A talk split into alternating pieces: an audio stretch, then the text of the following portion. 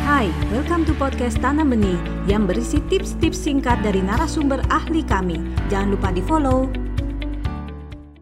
Ini maksudnya seberapa cepat, maksudnya nunggu berapa menit anaknya nangis baru kita gendong gitu ya? Tergantung ya, kalau misalnya memang masih newborn, ya langsung aja.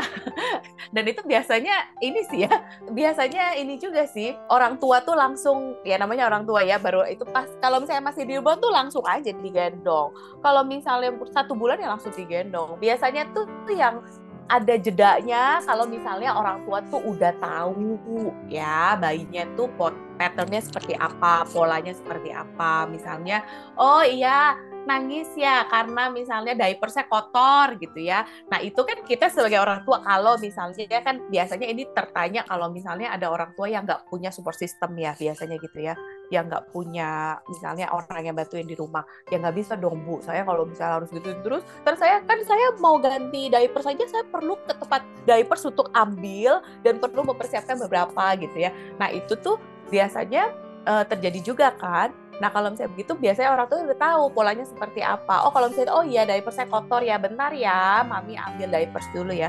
Selain dari langsung digendong kan ada yang lain ya dari audio kita, dari auditorinya seperti apa. Kita bisa bicara, kita bisa uh, kasih lihat muka kita dulu gitu. Itu tuh juga bisa gitu. Nah bayi itu kan kita isi kebutuhan emosi itu tidak selalu dengan digendong.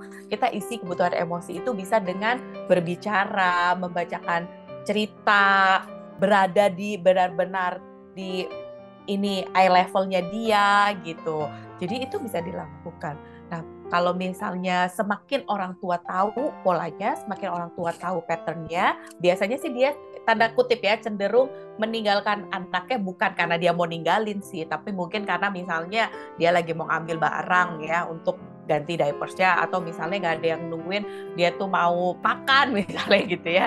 Jadi biasanya kayak gitu yang bisa dilakukan ya selain kalau misalnya memang belum bisa gendong ya bisa iya iya bentar ya mami lagi ini bentar ya tunggu ya mami lagi sambil makan bentar ya. Tapi mami di sini kok mami di sebelah kok gitu. Nah biasanya maka itu kenapa ibu-ibu tuh jadi lebih rewel? Karena memang ibu-ibu tuh dilatih dari bayinya uh, lahir tuh mereka tuh harus bisa ya ngomong sendiri, harus bisa memberikan kenyamanan dari si bayi dengan ya pokoknya kasih tahu si bayi kalau misalnya kita tuh ada di sebelahnya dia dengan cara gendong, dengan cara uh, berdiri di sebelahnya, dengan cara ngomong macam-macam.